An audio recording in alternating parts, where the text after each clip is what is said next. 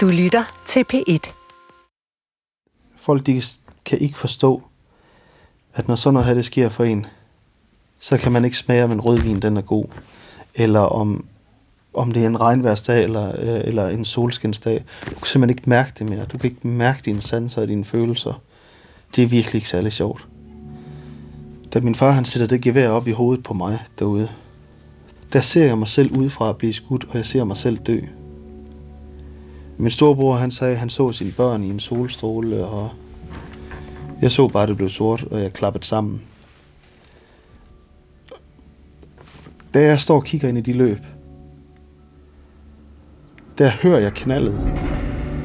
Og jeg mærker havlene, der borer sig, han sigtet herover den her del, som borer sig ind i min pande og ind i min næse og ind i mine øjne herover i den ene side af min venstre side af hovedet. Og den der smerte, jeg havde i hovedet, selvom det ikke var sket, det var fantomsmerter, det havde jeg i to måneder. At det simpelthen følte havl, der borede sig ind gennem hovedet på mig. Og så havde jeg øh, det sted, min mor blev skudt i ryggen. Der har jeg haft fantomsmerter så meget, at du simpelthen føler, at du har et stort hul ind i ryggen, hvor det spænder og og det er heller ikke en smerte, som at du er træt i ryggen, eller du er øm i ryggen. Det er... Det er som, du er skudt i ryggen. Og nu, når vi sidder og taler om det, så begynder det også at sidre det samme sted.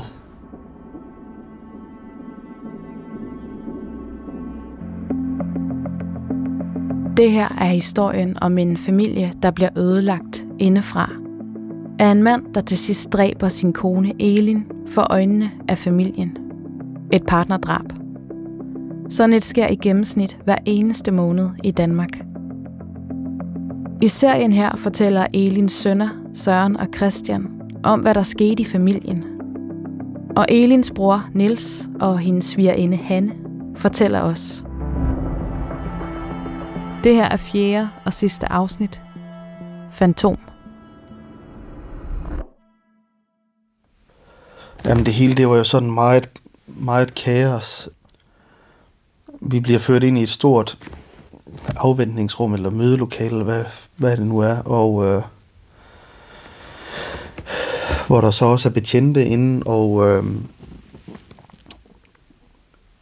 vi må selvfølgelig ikke snakke om sagen, så vi kan sammenstemme noget som helst, men vi bliver sådan på kryds og tværs to af gangen, eller sådan noget, kommer ud og bliver afhørt.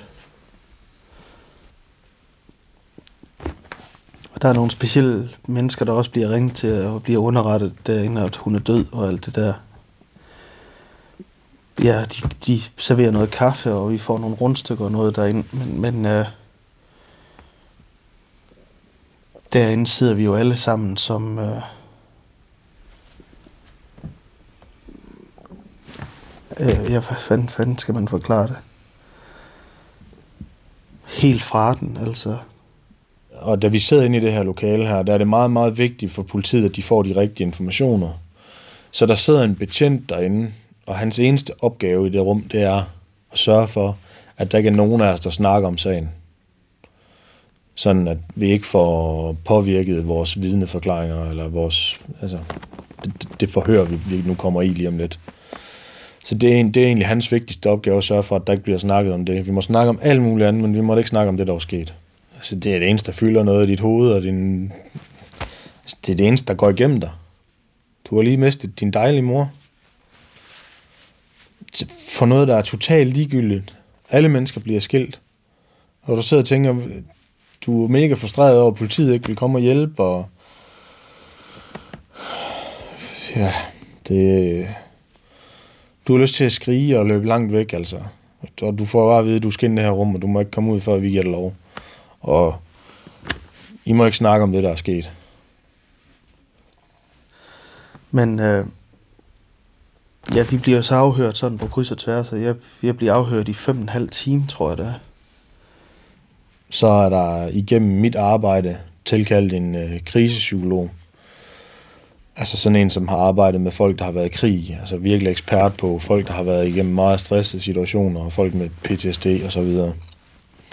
Han, øh, han kommer helt fra Hammel, og kommer ud i min fasters rækkehus, hvor vi alle sammen er samlet. Min onkel Niels er kommet fra København, og han er der også.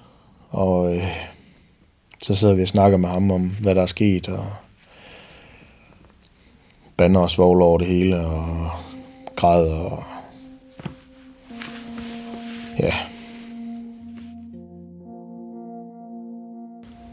Og da, da de så kommer, så den første, der kommer ind ad døren, det er faktisk Christian, og han begynder at græde og sige, det hele, det hele gik så hurtigt. De kunne ikke nå at gøre noget. Og da vi så får os sat ned, eller de får sig sat ned, der kommer det jo så sådan ligesom stump for stump, hvad der er foregået. Og på et tidspunkt kommer der også en, øh, en øh, psykolog, krisepsykolog, som snakker med os. Øh, ikke fordi jeg egentlig oplevede det på den måde som særlig helbredende, eller hvad man skal kalde det, men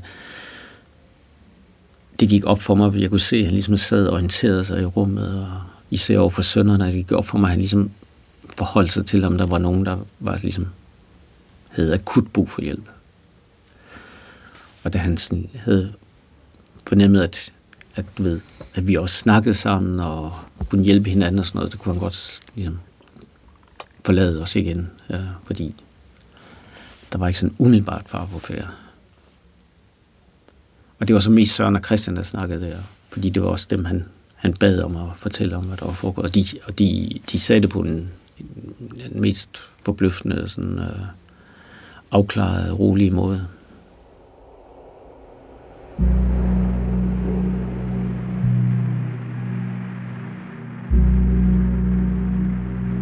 Politiet ville gerne have min storebror og mig ud i huset for at se, om der var noget, der var anderledes. Og øh, det er jo selvfølgelig meget ubehageligt. Men, men det er også en hjælp, at man prøver at hjælpe politiet. Og der er en instans, der kommer og har brug, har brug for ens hjælp. Og øh, vi går jo rundt i det her hus her, og det første, der sker, det er, at vi åbner en, en, en skuffe ude i køkkenet. Og der ligger en, øh, en hammer med skaftet opad. Altså en kæmpe hammer i en køkkenskuff med skål. Så man lige kunne tage den op. Ude i køkkenet var der også lagt sådan nogle store strips frem, sådan nogle på en halv meter eller sådan noget i længden. Så går vi ud i øh, bryggerset. Og derude øh, begynder vi at åbne de der sådan nogle vippe udkasser, man har til sko. Og øh, der, der, så åbner den ene af dem der, så øh, ligger der også en stor murhammer klar. Til man lige kan gokke ind i nøden med den. Så går man til venstre ind på min fars soveværelse. Og sådan til synladende, så var der heller ikke noget, der var anderledes derinde, indtil man begyndte at åbne skabene. Så åbnede vi hans tøjskab der, og så øh, lå der en vinflaske, sådan stikkende op, altså en magnum vinflaske, som man lige kunne tage og slå med. Og Så var der en helt ny økse, han havde købt, og et baseballbat. Så kommer en politibetjent med et håndklæde, som der er rullet op rundt om sig selv, og så er der sat en sok ud over enden på den. Og så siger han, øh, ved, hvad, ved hvad, er det normalt, han pakker sine håndklæder ind sådan her, siger han så. Nej, det har jeg sgu godt nok aldrig set før. Nå. Jeg ved, hvad man kan bruge sådan noget til. Det, har, det havde jeg altså ikke lige nogen fantasi til på det tidspunkt der. Men så kommer vi så til at tænke på det efterfølgende, mens vi går rundt ind i huset. Og jeg tror nok, det er Søren, der siger det.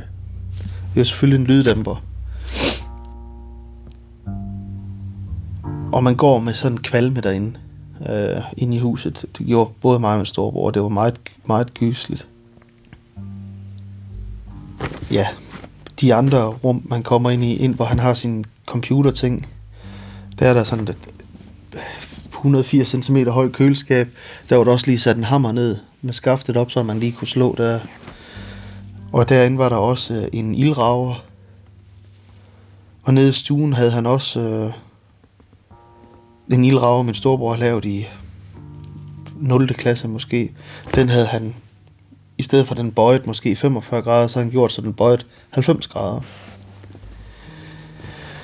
Og så var der så nogle han havde lagt rundt omkring sådan nogle store øh, murøjer med sådan en grov gevind på, som sådan lige var sat ind bag urtepotter og sådan noget, så han havde noget at stikke med. Og da vi så kommer ned i det sidste lokale, hvor han har øh, sit våbenskab dernede, der ligger der også nogle af de der, man lige kan bruge til at stikke med. Og øh, så kigger vi ind i skabet derinde, så ligger der en kæmpe stor kødøkse, han har gemt derinde. Oppe ved øh, bryggerset der, hvis man gik ud af døren, der, der har de et glashus. Der, øh, der stod der en hel dunk med benzin. Et sted, hvor der aldrig nogensinde ville stå en benzindunk.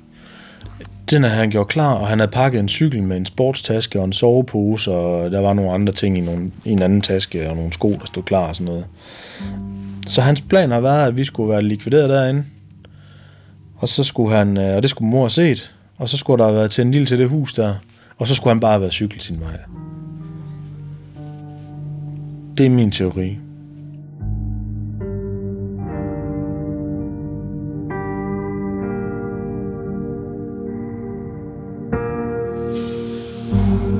Jeg er ikke engang sikker på, at politiet var interesseret i at afhøre mig, hvis jeg skal være helt ærlig. Så jeg må næsten tvinge mig selv lørdag aften til at komme ned på stationen og fortælle den om øh, mit indtryk af manden. Jeg havde ikke været på stedet, så det var også derfor, de ikke på den måde var interesseret i mig. Men, men jeg ville have, at de skulle forstå, at det her kommer ikke ud af det blå. Det er ikke bare en, en almindelig familiefar, der lige har mistet snøvsen, eller er lidt fortvivlet og kommer til at foretage sig noget dumt, eller Altså, jeg vil have dem til at forstå, at den mand er syg. Det er en syg mand, som har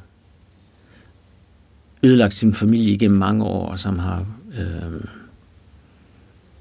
destrueret og smadret og nedbrudt alle omkring sig. Og det gælder ikke kun familien, det gælder også de venner, der har været, fordi til sidst var der jo heller ingen venner, han, der var, han, de ville jo ikke hænge på. Øh, og at der var en historik, hvor, han, hvor man kunne se, hvad det var for en person, han i virkeligheden var. Men han sagde faktisk ret hurtigt, da jeg ligesom gjorde klart, at jeg sidder her, fordi jeg vil have, at I skal forstå, hvad det er for en mand. Så sagde han til mig, du skal ikke være nervøs for, at vi ikke ved, at han er psykopat. Det er den eneste gang, nogen har brugt det ord i hele den her sammenhæng. Og det er noget af det, jeg undrer mig allermest over. Øhm, det er, at der ikke er noget karakterbillede af den person. Det har åbenbart overhovedet ikke været relevant, heller ikke i retssagen, og heller ikke i opklaringen, og heller ikke i spillet op til drabet, i forsøget på at forstå, hvor truet hun var, min søster var, og hvor farlig situationen var. Der har ikke været nogen, der forholdt sig til det psykiske karakterbillede af manden. Det er det, jeg undrer mig mest over. Men da han siger til mig på stationen, du skal ikke være nervøs for, at vi ikke ved, at han er psykopat, så tænker jeg, okay, de har set ham. Så kan det ikke gå galt, fordi hvis de har set ham på så kort tid, så, så ser de det alle sammen. Så ser de det også, når han bliver mentalt undersøgt. Så ser de det også i retten osv. Men det falder bare væk. Altså, det falder også væk i, i mentalundersøgelsen. Der bliver, han, Øh, der bliver det slet ikke omtalt. Der er han bare en normalt begavet person med nogle kognitive forstyrrelser. I retten bekymrer de sig slet ikke om det. Øhm. Og det er det, det, er det der undrer mig allermest ved den her sag, det er, at, at, at man ikke får fat i billedet af, hvad det er for en person. Fordi hvis man havde gjort det, så kunne man se, hvor farligt det her var fra starten af, og så kunne man have sikret hende. Det er da dybt fortvivlende. Det er også dybt fortvivlende, at der er nogle omstændigheder her, som vi ikke bliver oplyst om.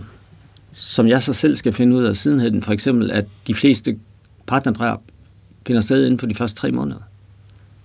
Hvis nogen har sagt til os, I skal lige passe på, det her er en kritisk periode. I skal bare vinde tid. Vinde tid, venner. Så har vi jo ageret på en helt anden måde. Hvis vi har fundet ud af, at en mand, som allerede er erklæret selvmordstruet, så er han i fare for at begå en mor. Det, de kalder udvidet selvmord med et skønt begreb. Ikke? Eller en mand, som er socialt isoleret osv. Altså en hel masse tegn, som peger i retning af, hvad der sker den 27. marts, som vi ikke får noget som helst at vide om. det er dybt fortvivlende. Alt var så uvirkeligt, og den sorg, og øh, den, øh, alt, altså det var, det, og flovhed over det, men pludselig er søster til en morder, altså. Det, det hele er bare, jeg var så flov, jeg, var, jeg, var, jeg kunne næsten ikke engang øh, gå ned på Søndergade efter det der, hvor jeg, jeg puttet mig. Jeg havde jeg heldigvis mundbind på og solbriller og sådan noget, så jeg var så flov. Øhm, jeg følte mig så skyldig i, at, øh, at det var min bror, der havde slået hende ihjel, og, og, og det har fulgt mig rigtig langt hen ad vejen, at, øh, at det var min bror, det er min familie, der har gjort det, og hvem har lavet sådan en monster.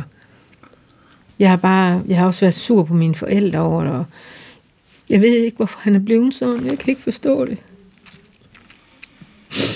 Vi er tre børn, vi har fået den samme opdragelse. Jeg forstår ikke, hvordan man kan blive sådan. Det gør jeg simpelthen ikke. Hun var bare det sødeste og det dejligste menneske, Søren. Og Christian, de elsker hende, og hun har været der altid for dem, og hun har altid været der for Peter. Hun har holdt ham op i hovedet og halen, og altid gjort alting. Selv når hun var dårlig, så gjorde hun også alting. Og jeg har haft det så svært med det, min bror. Fordi selvom han aldrig har været en god bror, så er det stadigvæk ens bror. Jeg havde det dårligt med, hvis han ikke havde noget tøj med i fængsel og sådan noget. Det var sådan, jeg kunne slet ikke være i det. Jeg havde bare dårligt med det hele. Jeg kan ikke lide, at nogen mennesker ikke har det godt.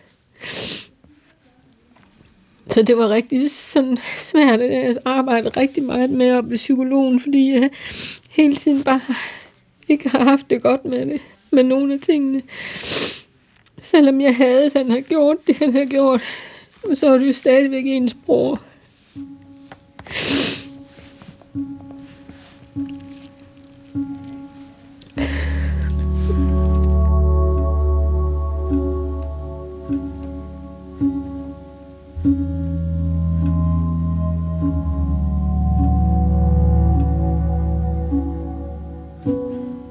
åbenbart var retsmedicinsk allerede færdig med min mor efter to dage.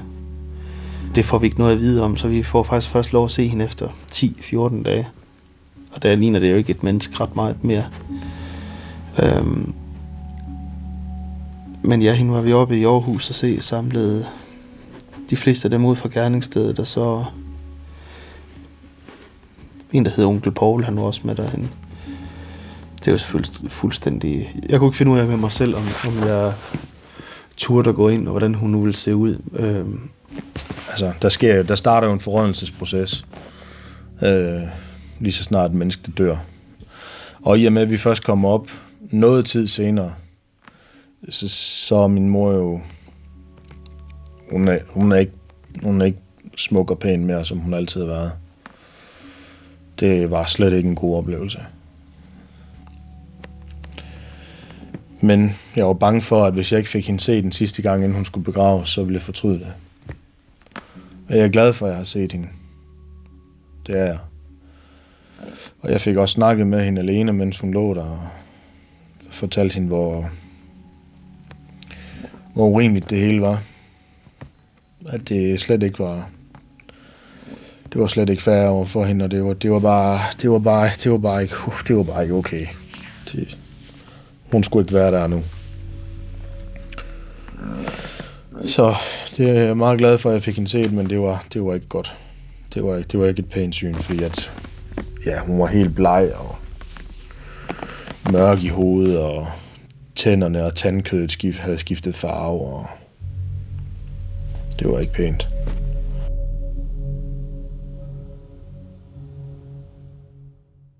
Hvor da alle havde været inde stort set, min storebror står og græder, alle står og græder. Øh, så, øh, så, går jeg, så går jeg alligevel derind. Jeg kommer ind i lokalet, hvor hun ligger midt i lokalet. Øhm, min onkel er også med på det her tidspunkt. Han er, altså, vi har nok været der en time deroppe, siddet i venteværelset, og kunne ikke finde ud af, om vi ville gå ind eller ej. Og jeg går ind, og jeg ser hende sådan fra venstre side. og det der, det, der, det, der slår mig ved det, det er, at uh, det, det er ikke min mor, der ligger der. Så på en måde var der en helingsproces i det, fordi min mor, hun som sagt var verdens smukkeste menneske, og det, der lå der, det, det var ikke hende. Øhm, så på en eller anden måde hjalp det mig, at jeg kom op og se hende. Men altså...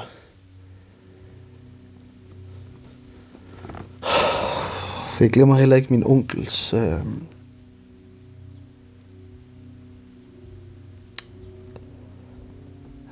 måden han tog til sin egen mund på og brød sammen grædende.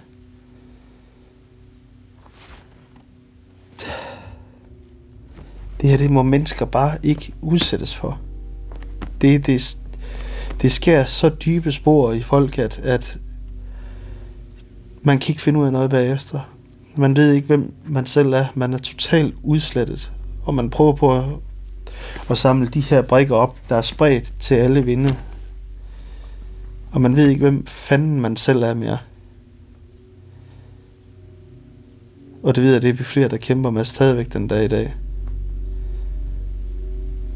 Og det er meget angstprovokerende, at man ikke ved, hvem man selv er.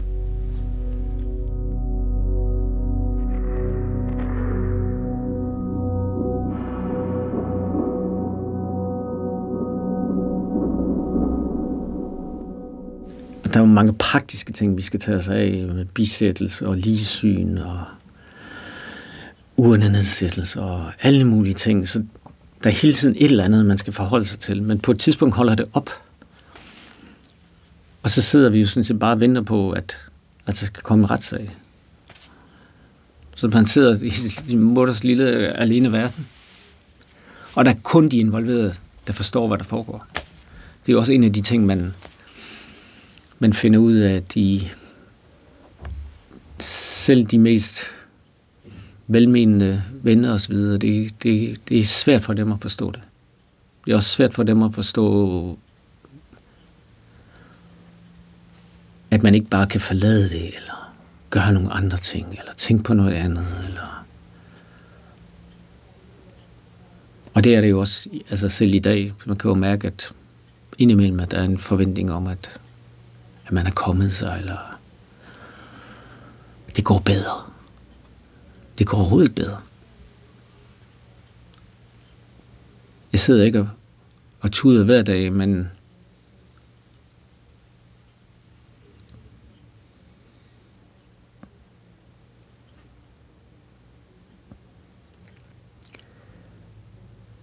Men man er ødelagt. Altså man er jo ramt på samme måde, som hun er ramt. Du er skudt, altså han har skudt dig. Det må jeg sige. Problemet for os er, at vi sidder med en skræk og rejsel for, at han kommer ud og vil gentage eller færdiggøre sin gerning. Og øh, det er faktisk det værste for mig, det er det er den frygt for, at han, øh, at han ikke er færdig. Og jeg har også stadigvæk i hvert fald en gang om ugen drømmer om, at han, han vender tilbage og foretager sig et eller andet frygteligt. Um, så det er på en måde en slags dobbelt straf, at, at han har taget ilden fra os, men at vi også skal være, stadigvæk skal være bange for ham. Nu er der jo også sket det, at han i, øh, i retten har nævnt en vis anden person, som den, der står bag det hele. Og han har sagt, jeg håber, han har dårlig samvittighed. Øhm, han har ikke nævnt noget navn, men jeg ved jo godt, hvem det er. Og jeg ved det især, fordi han også har fortalt det til politiet. Han har ringet til politiet for resten og fortalt, at han har en ny teori om, hvorfor det gik så galt. At der er en, der står bag det, og der er en, der er hele familien. Og det er mig.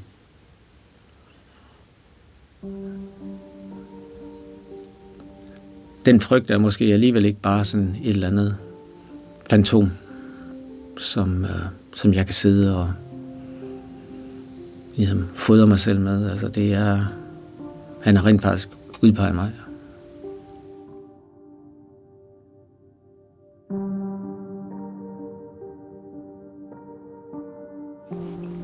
Jeg håber ikke, han kommer ud mere. Hvis han kommer ud, er der ingen af os, der kan bo, hvor vi bor. Da vi skal alle sammen væk herfra, så. Altså, han vil gøre alt i hans magt, mens han er derinde, for at finde ud af, hvordan han kan få os andre skaffet der vejen. Det er jeg slet ikke i tvivl om, og der er ikke nogen, der kan overbevise mig om noget andet, fordi han kommer efter os, når han kommer ud.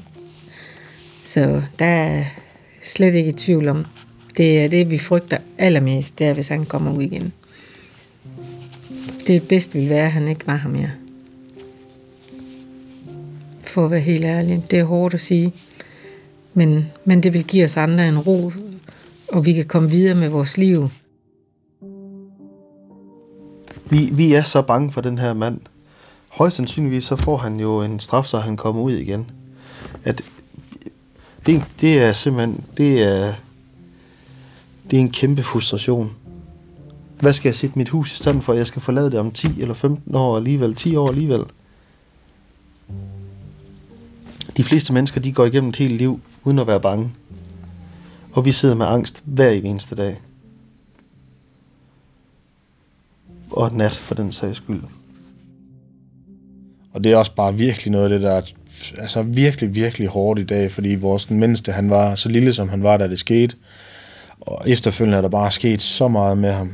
Og han er bare, han er bare sådan en god dreng, og han er bare så sød, og han er dygtig motorisk, og, og begyndte at snakke lidt og sådan noget. Altså, man er bare, man er bare så ked af, man er bare så ked af, at ens skønne, dejlige mor, hun ikke får lov at opleve det. For hun vil være så stolt, og det vil glæde hende så meget.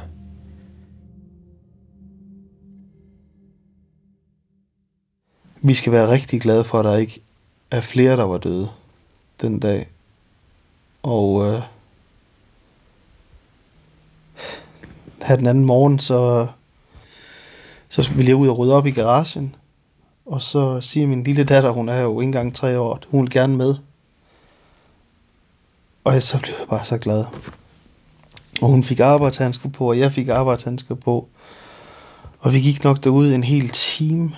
Øhm, og det var koldt og sådan noget, men det var bare så lykkeligt, og vi hyggede os sammen. Og jeg, jeg kunne simpelthen ikke lade være med at gå ned på knæ og så sige, far han skal lige have en krammer. Så hun ved slet ikke... Hun ved slet ikke, hvad hun, hvor, hvad, hvor vigtig hun er for mig, og hvad hun gør for mig. Og de der børn der, de er også grunden til, at jeg ikke har sagt, fuck det, jeg gider ikke være her mere. Nu skyder jeg kraftgivet med hovedet om mig selv, eller hænger mig selv. Fordi jeg skal stoppe den her øh, psykopatiske øh, verden, som vi har levet i. Det har jeg muligheden for, for at mine børn kan have det bedste liv, man overhovedet kan forestille sig. Det er den livsopgave, øh, jeg har nu. Jeg ved, det er det samme for min storebror. Det er vores livsopgave. Det kan godt være, at Christian og mit liv det ikke bliver verdens bedste, fordi det her det nu har været sket. Men for alt i verden, så skal vores børn og vores børnebørn og vores fremtidige generationer komme til at have det godt.